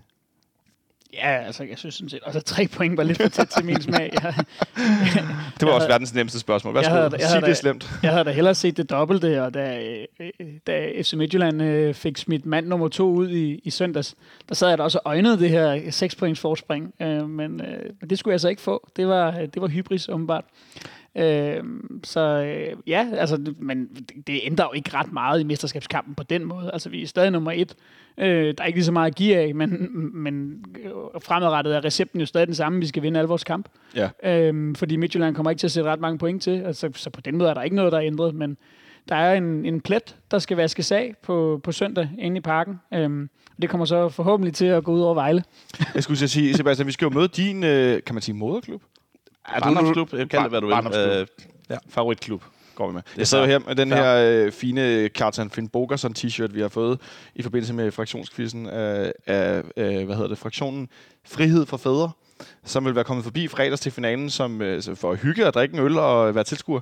Men det kunne de ikke få lov til for deres koner, for det ikke skulle være løgn, skrev de i en pæn mail til os. Det er ironisk, ja. Det er meget ironisk, det grinte de også selv meget af. Øhm, jeg har set i dag i, på Tipsbladets øh, hjemmeside, skal vi endelig reklamere for, ja. et interview med øh, den kære øh, Kjartan Finn Bogerson, der synes, det er lidt fjollet med al den her fokus, han får forud for den her kamp mod Vejle på, øh, på søndag. For et lidt mere, øh, måske ikke i forhold til Vejle, men i forhold til situationen med ham, neutralt, øh, øh, hvad hedder det, ståsted, Sebastian, synes du, øh, synes du, vi overgør det som FCK-fans? Øh, det, det er et kæmpe, kæmpe stort Superliga-øjeblik, det der. Øh, det, det er, vil gå over i historien. Så kan man sige, at det ironiske er, at, øh, at det største øjeblik for FC København i 2018 var, at, øh, at en, en islænding scorede et mål for Horsens. Det siger jo noget om, hvordan, hvordan sidste sæson... Hej, dårlig sæson. 2017-18 sæsonen var for, Oh, wow. for, for FC København, ikke? Ja. Så, øh, Det kan vi ikke løbe men fra. Altså, Sløj. men øh, by all means, det er sjovt. Jeg glæder mig til at komme ind på, på søndag. Jeg glæder mig til at se, hvad der sker, Benjamin. Fordi at, øh, en ting er, at jeg igen har sådan en fornemmelse af, altså vi skal ud og mose den her modstander, som er en af de mindre klubber i Superligaen. Øh, et Vejlehold, som har det svært, og har haft det svært i store Mm. dele af sæsonen. Og, altså, og jeg har det stadigvæk, selvom efter den her underlige præstation i går, specielt den her leg, jeg, jeg vil vinde med to, tre, fire mål over Vejle. Det vil jeg. Altså, fordi det skal vi kunne med det hold, vi har, med de spillere, vi har. At, øh, men stiller jeg virkelig for høje krav? Nej, det synes jeg ikke. Altså, det, det var jo min egen forventning til, til, til gårdsdagens kamp også, og det er det også til kampen på søndag. Øhm, og- og det kræver ikke så meget andet, end at vi skal levere en, en, en ordentlig præstation. Ikke at vi dermed vinder 4-0, men får en sejr. Øhm, det, det er jo bare kravet nu. Altså, om, om det så bliver med et mål, eller med øh, to, eller med tre, det er jeg sådan set ligeglad med. Vi skal bare have tre point. Øhm, og så glæder jeg mig til at se ham gutten med øh, Finn Bogerson og øh, 2-2 på ryggen, som jeg også... Øh, på sådan en FCK-trøje, som jeg også så første gang herinde til, til det første derby i sæsonen, hvor vi gik hen og vandt. Jeg skulle sige, jeg, jeg har tidligere fået en besked fra den kære øh, Kasper Højgaard fra øh, Kanal som jo var på besøg her nogle gange, der spurgte mig, om jeg vidste, hvem der, der havde sådan en trøje, fordi han ville godt snakke med ham forud for kampen. Så øh, hvis du lytter med derude, eller kender en, der har sådan en 2-2 Finn Bogersen trøje, så må du godt lige sende mig en besked på Twitter, eller tweet, eller en, et andet sted, øh, fange mig på et eller andet, øh, en eller anden platform. De, der er i hvert fald nogen, der gerne vil høre, øh, hvorfor man laver sådan en trøje. Jeg kan kun sige, at øh, det kan jeg godt forstå, nogen har gjort. Vejle med en cheftræner på bænken efterhånden. Mm. Ja, Øh, øh, ikke i en at det, det er utroligt, at det skal være en, en vild ting, at der rent faktisk er noget på bænken. Det siger det noget om, om efteråret. Da vi i var ude på Vejle. et tidspunkt, hvor, hvor, hvor, mange, hvor, hvor mange for bænken var der, der havde karantæne? Var det tre på en gang? Ja, det mener jeg, det var til sidst. Øh, altså, Vejles cheftræner øh, Adolfo Somani sidder jo ikke på bænken fra slut oktober og, og resten, af, Nej. af resten af efteråret. Han har lavet sådan en Mourinho X-Large deroppe på tribunen med øh, meget kraftig samtale med noget headset. Præcis, i den første kamp, og så tror jeg, han holdt sig for det, fordi det var det, der gav ham en kæmpe Præcis. ka- oven, karantæne oveni, ikke? Og så fik Morten Biskov karantæne for at være uvenner med en, øh, en, en dommer efter kampen, eller hvordan var det? Ja, det var i, øh, det var, ja, der var en assistenttræner og Morten Bisgaard, som fik karantæne i forbindelse med, øh, øh, med, med Vejles næst sidste kamp i, i efteråret, hvor, hvor, hvor de var ret utilfredse med dommeren i en kamp mod Brøndby, fordi der var den, hvor Kamil Vilcek bliver, øh, bliver udvist, øh, eller ikke, ikke bliver udvist, skulle have været udvist, og hvor Vejle ikke, det er altid også en utrolig træls for træner og fans og så videre, når man ikke får lov at tage et hjørnespark, og, og Ja. for, fordi tillægstiden, de der tre minutter render ud, og så skal der fløjtes af på, på sekundet. Ikke? Det, det bliver jo træner jo altid ophidset over, og så... Øh, Gør fans også. Ja, skulle det gør sige. fans nemlig også. øh, men de får så ikke karantæne for det, så skal det gå rigtig galt. Så skal man virkelig blive vred. Ja, så derfor var der ikke særlig mange. Nu er der simpelthen bare fuldt trænerteam. Øh, det, jeg, tror, det, jeg tror godt, vi kan forvente, at der sidder et fuldt trænerteam på, på bænken i parken på søndag. Men det på bænken, hvad kan vi forvente af Vejle på, på banen? Ja, øh, jeg, synes, jeg, var, jeg har jo faktisk set både FC København og Vejle live i den her runde. Jeg var, jeg var hjemme i Vejle, hvor jeg kommer fra, og ja. se dem lørdag eftermiddag mod, mod Nordsjælland, hvor jeg jo faktisk synes, at det var det, øh, det bedste hold øh, i store dele af kampen. Øh, men dummer sig i forsvaret nogle gange, og ikke formår ikke at, at udnytte den der overvægt i spillet til også at skabe de der helt store chancer, og når de der store, helt store chancer så kom, øh, så brændte de dem. Så hættede de dem ved siden af, mens øh, Godfrey Donio han hættede ind til 1-0, og Andreas Skov Olsen til med som Neymar sparkede bolden over en lang hjørne. Så der var kvalitet til forskel, på trods af, at ja. Vejle spillede bedst. Og det synes jeg jo har været, har været forskellen. Altså, jeg, øh, jeg nævnte også i, i fodbold FM i går, altså i den her sæson. Jeg har hørt Ståle Solbakken efter kampen i, i Vejle, øh, Københavns 3 sejr sige, hvor var det godt at se et oprykkerhold, der spiller på den her måde og kommer og vil spille noget fodbold, og ikke bare står og kaster lange indkast. Øh, Sådan en skjult henvisning til ja, Bo. præcis. Sorniger sagde, at det var det bedste oprykkerhold, han har set i, øh, i to og et halvt år i, ja. i, i Danmark. Kasper Julemand sagde før kampen i weekenden, at han var nærmest chokeret over, at Vejle ikke har fået flere point. At det er et godt, rigtig godt trænet hold. Men det har bare ikke fået flere point. Det ligger helt nede i bunden af, af Superligaen. Ikke? Så det, det er jo det, Vejle mangler, det er at kunne, kunne, kunne profilere af de der, øh, de, de der de der gode stunder, og sørge for, at de var ved over en hel kamp, fordi Vejle havde også kamp mod både Midtjylland og FC København, som gik ind i de sidste 20 minutter, hvor Vejle førte 1-0. Og Vejle tabte begge kampe med 1-0. Førte et også et, øh, undskyld, 3-1. med 3-1 selvfølgelig. Ja. Vejle førte også 1-0 mod, mod Brøndby, taber 2-1. Så jeg kan, jeg kan ikke se Vejle få point på, på søndag, det er min konklusion. På trods af, at jeg synes, Vejle har et godt trænet hold, som Kasper Juhlmann vil sige. Jeg kan ikke se dem få point. Jeg kan ikke se dem spille 90 minutter og, og komme øh, øh, udnytte de situationer, man skal udnytte, både i eget og i FC Københavns felt. Men samtidig er det jo et vidnesbyrd om, at der bare ikke bliver plads til at levere en, en præstation mere, som, som mm. Den, vi så mod Vendsyssel i går. Altså, Korrekt. øh, fordi netop, er, kan man sige, øh, med al respekt for Vejle, dårlige er de ikke. Øh, altså det, så, så det er også et hold, som, som i stil med Vendsyssel vil, vil, vil kunne straffe os, hvis ikke vi er der. Øhm, så, så, så det, som, som jeg siger, det er det, det, det, det, er det, der afhænger af, hvilken forfatning øh, FC København møder op i. Og det er det, vi har set de sidste tre kampe. Et Randershold med en, med en, en skarp angriber, sådan en øh, Mosivchan-type, de øh, får minimum uafgjort mod os i Randers, tænker jeg. Nu ser vi det går med Vendsyssel. En enkelt bold øh, på det forkerte sted, og så med Vejle, som lige mangler også det der i begge ender af banen i, i felterne, lige at være helt skarpe på, på, på det afgørende. Skal vi ikke lave, vi laver lige en return to center med den første kamp, så går vi en man of the match, og så tager vi lige et cifretips til på, på søndag. Hvad siger I til det? Det lyder fint. Øh, en man of the match i går, Benjamin? Oh, øhm, jeg, har, jeg har tænkt meget over det. Jeg, øh, jeg ender simpelthen med at gå med øh, Dennis Varbro, Ja. øh, fordi at øh, han i mine øjne er den spiller, der øh, ender med at lave, lave færrest fejl. Øhm, hvis man kigger på hans præstation individuelt, jamen så, så gør han det, han skal øh, i en kamp, hvor han heller ikke får ret meget at arbejde med. Man kunne også pege på Rasmus Falk, men, fordi han laver jo det her fremragende mål. Øhm, men jeg synes også, at han er en af de store syndere i forhold til simpelthen at få for få gennembrud øh, øh, centralt.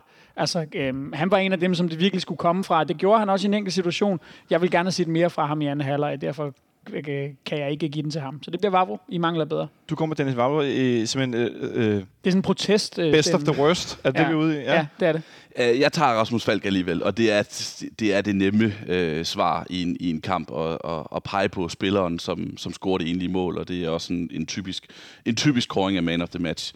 Øh, jeg synes dog, at jeg vil give det til ham, fordi der er i mangel af, af, af kandidater, og så fordi, at det var en kamp, der manglede afgørende aktioner, og den ene afgørende aktion, der var, den stod Rasmus Falk for, og det var et, et fremragende mål. Nogle gange skal man bare blive kåret. Men skal man have lov til at blive kåret man of the match, fordi man afdribler tre mand og sparker bolden ind.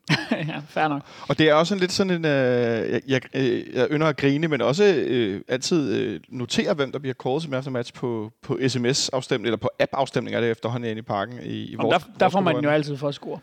Ja, på- præcis. Men, men det interessante er, at hvor det i efteråret har været svært ikke at kåre Robert Skov til man efter match igen og igen, fordi han jo pumpede bold i nettet, som øh, jeg ved nærmest ikke hvad. Så var det lidt sådan i går. Jeg havde også den der, Rasmus Falk var meget åbenlys for mig som, som mulighed, men jeg var også lidt over i, om det skulle være Vaflo eller Carlos Sækker, som i perioder han bliver mere og mere offensiv i sine aktioner, men så blev det alligevel, øh, var det nedadgående i Han- anden halvleg. Han slår jo fuldstændig op i banen. De Helt 10 vildt, ikke? Altså, Men både ham og jeg har nærmest set, aldrig set noget lignende fra hans side. Altså, Men både ham og Rasmus Falk lignede nogen, der har løbet maraton på halv tid. De, så, de var helt flade. Øh, hvor man så igen kan undre sig over, hvorfor blev en af dem ikke skiftet ud. Nå, øh, det skal vi ind på, men jeg har også Rasmus Falk, kan jeg sige, fordi den der, apropos topniveau, som du taler om, Benjamin, øh, med at have spillere, som har så højt topniveau, den der spidskompetence i at lave de der tempodriblinger, som man, hedder det? Jo, det man dribler fremad i løb øh, med bolden. det kan vi godt kalde dem i hvert Ja, fald. det har, det har, jeg, har jeg lavet mig fortælle. Det, det er sådan Per Frimand udtryk. Tempodriblinger. ja, undskyld, det indrømmer jeg af til mig. Øhm, det synes jeg bare kan noget helt, helt vildt. Og at, at han har lagt det på, og ikke kun lave det som assist, som vi så i efteråret over i Odense, hvor han gør det ude i kanten af feltet, lægger bolden ind over, øh, vi har set det nogle gange, men gør det som, øh, op, øh, hvad skal man sige, assist til sig selv. Det, øh, eller sådan, ja, det ved jeg ikke, om jeg kan sige, det har jeg Henrik gjort. Det, det synes jeg bare er helt ekstraordinært. Så den får han af mig også, så vi må give ham øh, 2-1 på den i den omgang. Så, må du hellere, så kan du få lov i stedet for meget nemmere at sige, øh, hvad, hvad ender kampen på, øh, på søndag? Den ender 3-1. Vi får lukket mål ind igen. Ja. Men også til 0-1. Nej. Og det, det er jeg glad for, at du siger, fordi det gør mig altid noget lunken, de der scoringer øh, af mindre hold i parken mod os tidligt i kampen. Det, Nej, vi, øh, vi scorer først, men, men Vejle kommer også på top. det kan jeg godt øh, Så leve kan jeg ikke Bare, komme det nærmere. bare vi vinder. Hvad siger du, Sebastian? Jeg tror, at Vejle vinder 4-1. Jeg tror, at øh, i første halvleg scorer Zuma til 1-0, så udligner Vejle på et selvmål, og så scorer Erik Bo Andersen hat i anden halvleg. Og hvor mange gange er øh, Jesse Jonan ude ved sidelinjen, og øh, så kan vi råbe Karim Sasa på skovtur? Kun én gang. Kun men, én det, gang. men det går også galt. øh, i, i, I et mere... I et, i et ikke-alternativt univers, så vinder FC København med 4-0 den her kamp. Du, du er helt oppe på 4-0 simpelthen? Ja. Øh, så det er tilbage på det FC Københavnske spor, vi ligesom har set her i foråret med den her kværnende stil, eller hvor er vi henne? Ja, det tror jeg. Jeg tror, jeg tror at FC København får lavet det tidlige mål øh, inden for den første halve time, som, øh, som ikke blev lavet i, i går. Og så tror jeg ikke, Vejle regner med, at, øh, at de kan få meget ud af den her kamp. Tab 5-0 i Midtjylland øh, for til Uh. uh. det modsatte kamp i et, til et tophold. Øh, og, øh, og har jo ikke fået mange point på udebane. Har ikke vundet en udekamp i hele sæsonen. Så, øh, så den tror jeg, at FC København vinder relativt overlegent. Sidder du nu, Benjamin, og bliver nervøs, ligesom det her med vendsyssel, og så, uh, de har ikke vundet på udebane, og så skal det komme på et eller andet tidspunkt, Nej. når Sebastian fortæller det? Og, og, og nu vandt de jo heller ikke sådan, eller øh, Vendsyssel, kan man sige, selvom det sikkert har føltes som en, som en sejr. Øh, vi kommer ikke til at tabe til Vejle. Øh, en, en, en dårlig præstation kan give en, en uafgjort, men, men jeg er også rimelig overbevist om, at, at vi vinder. Som sagt, så, så synes jeg ikke, at man skal male fanden på væggen, fordi vi har spillet en enkelt dårlig kamp mod Vendsyssel i parken. Øh, de vil komme en gang imellem de der. Øh, desværre er der bare ikke rigtig råd til dem lige nu. Det er sådan set mere det, der er problemet. Vi har stadigvæk ikke nogen i karantæne, tjekker lige her, bare for at være helt sikker. Vi har nogle stykker, der nærmer sig. Det, kan være, det må være som et af de eneste hold efter en Superliga-runde med, hvad endte med, seks røde kort. Seks røde kort, det er Superliga-rekord. Det er nemlig Superliga-rekord, øh, seks røde kort på, på, en, øh, på en runde. Der var også nogen imellem, der var lidt mærkværdige, skulle jeg så sige. Jeg synes, jeg læste, der var, at der er 11 spillere i karantæne i, næste runde eller sådan noget. Det er alligevel en chat. Mm. Men det var et helt hold, var det ikke sådan, der var i Superligaen? Øh, Kasper, du skal også lige have lov at have et bud med nede for, for bordenden i forhold til et resultat. Og der er vi også ude i 3-0. Og det var det også det, jeg havde tænkt mig at sige. Øh, og jeg, jeg tror, det bliver sådan lidt lang tid med 1-0, og så kommer Vejle lidt frem, og vi bliver lidt slaggerne efter 70-75 minutter, og så får vi scoret. Og så øh, går Benjamin hjem i send, og det samme gør jeg, hvad det vil sige. Så vi vi alle sammen glade. Er der andet, vi skal have over øh, disken i dagens øh, udgave af Fanradio? Har vi noget på, øh, på tapetet, der skal nå at komme med? Altså udover at, hvis du sidder derude med en fanradiotekniker i maven, så skal du holde øje med et opslag, vi laver, og så kan du øh, henvende dig, hvis du bor i, i København. Så du, du skal selvfølgelig, det, det er et meget vigtigt krav, det er, at du er rent geografisk placeret her i nærheden, ellers så bliver det lidt svært. Ellers så tror jeg bare, at jeg vil sige øh, tak, fordi I kiggede forbi. Det var en øh, fornøjelse, selvom den der mandagskamp i går, den var lidt tung. Øh, Ja, det tror jeg sådan set var det. Det synes jeg var rigtig behageligt at få snakket lidt det her møg, for jeg anholder ud af kroppen, Benjamin. Er det, er det bedre nu, end før du kom? Ja, det er stadig ikke helt godt, men det er bedre. Det er stadigvæk helt godt. Øh, og så skal jeg lige sige, at vi sender ikke på fredag, det er derfor selvfølgelig, vi har talt om øh, kampen på søndag. Øh, men vi er tilbage igen på, øh, på mandag med øh, nedtak på Vejle Kamp, og forhåbentlig nogle glade miner og så videre. Så ved jeg ikke, om du skal være, Sebastian, hvis der skal være glade miner på den konto. Øh, I skal tak, fordi I lyttede med derude, og det har jeg ikke sagt her på det sidste, men tak til jer, der stadigvæk donerer på tier.dk. Det sætter vi kæmpe stor pris på. Øh, god kamp på søndag, og også til dig, Sebastian, ikke mindst. Tak for det. Selvom du selv har gættet på, at det ikke bliver så sjovt. Mm. Skal du herind? Jeg skal hen og se den, ja. Jeg har en, øh, en aftale med en kammerat om, vi skal op og sidde på, på øvre C. Og så øh, Ja. sidder vi og ser den en kammerat, der er FC København-fan. Og så tager vi over til mig bagefter og laver kubansk mad og ser Godfather 2. Så det er min søndag. Hold da op, det var meget planlagt. Øh, så er der... Så, ku- jeg skal lige, har du nogensinde lavet kubansk mad, Benjamin?